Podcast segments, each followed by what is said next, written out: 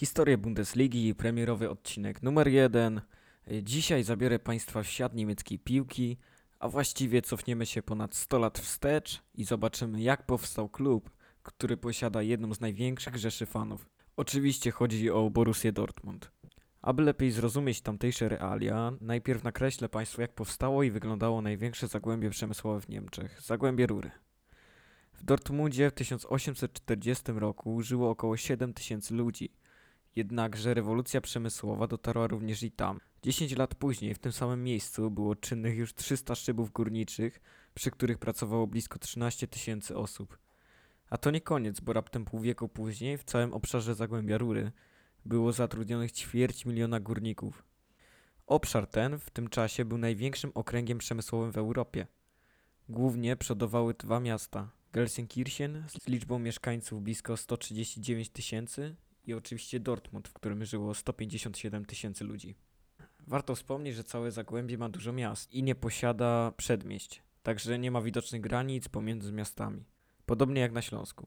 Warto sobie teraz zadać pytanie, skąd aż taka duża liczba mieszkańców? Oczywiście chodzi o imigrantów, którzy przybywali z różnych państw w poszukiwaniu pracy. Holendrzy, Włosi i duża ilość Polaków upodobała sobie ten region. Do tej pory w tym regionie można natknąć się na polskie nazwiska albo zbliżone do polskich. Charakterystyczną rzeczą wykształconą przez lata dla mieszkańców Zagłębia Rury jest to, że stąpają twardo po ziemi, ale przede wszystkim mają między sobą silną więź i są solidarni. Chcą być częścią całości.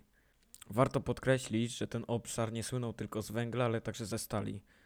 Później rozwinięto także browar, który w późniejszym czasie stał się sponsorem Borussii. Zresztą sama nazwa Borussia to jest nazwa ówczesnego browaru. Na przełomie wieku XIX i XX piłka nożna nie była zbyt popularna w Niemczech. Poza tym ludzie nie przepadali za tym sportem, ponieważ pochodził on z Wielkiej Brytanii. Trzeba też powiedzieć, że Niemcy nie przepadali za sportami, które doprowadzały do rywalizacji. W tym okresie ulubioną dyscypliną Niemców była gimnastyka. Lubili także boks, szermierkę i lekką atletykę. Mimo wszystko niektórzy polubili piłkę nożną. Głównie młodzi ludzie, którzy byli zdolni do buntu lub z korzeniami angielskimi, których nie było zbyt wielu. I tutaj pojawia się legendarna postać dla Borussii. Franz Jacobi. Mieszkał blisko Borsigplatz, który do dziś jest charakterystycznym miejscem dla kibica Borussii. Jacobi, tak jak większość młodzieży, należała do zorganizowanej grupy katolickiej Solidacji Młodych, która miała być rozrywką dla Niemców, szczególnie młodych. Uprawiano tam m.in. lekką atletykę.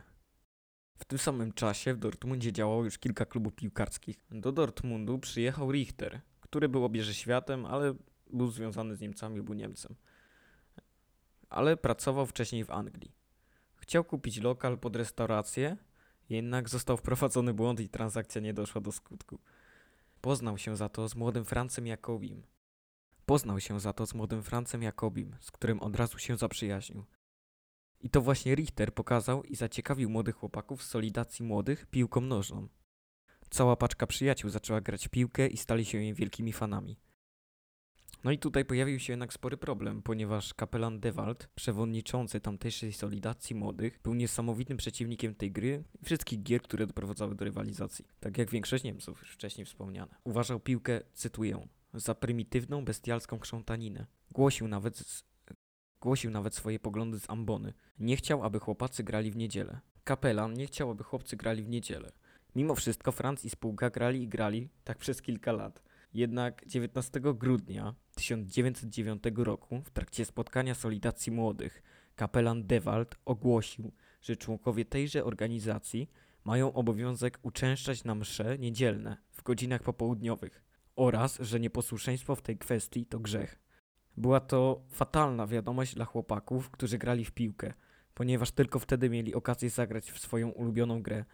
No i nadszedł ten moment, stało się.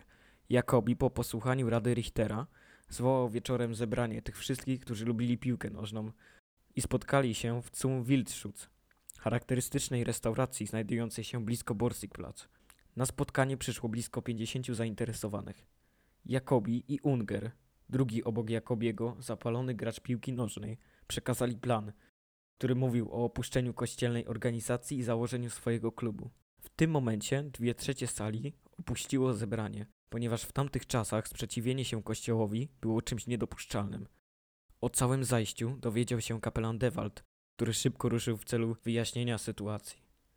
Nie dotarł jednak na spotkanie, ponieważ Jakobi zepchnął go ze schodów. W tym momencie nie było już odwrotu. 19 grudnia 1909 roku 18 mężczyzn założyło własny klub Borussię Dortmund. Pierwszy człon nazwy pochodzi od nazwy browaru, który dołożono później. Prezesem został Unger, a sekretarzem Franz Jacobi. Trzeba podkreślić to, że popularny klub z Dortmundu powstał z sprzeciwu wobec kościoła. Dziękuję za wysłuchanie mojego podcastu i zapraszam również na blog Bundesliga Biela, na którym możecie znaleźć informacje ze świata niemieckiej piłki. Do usłyszenia.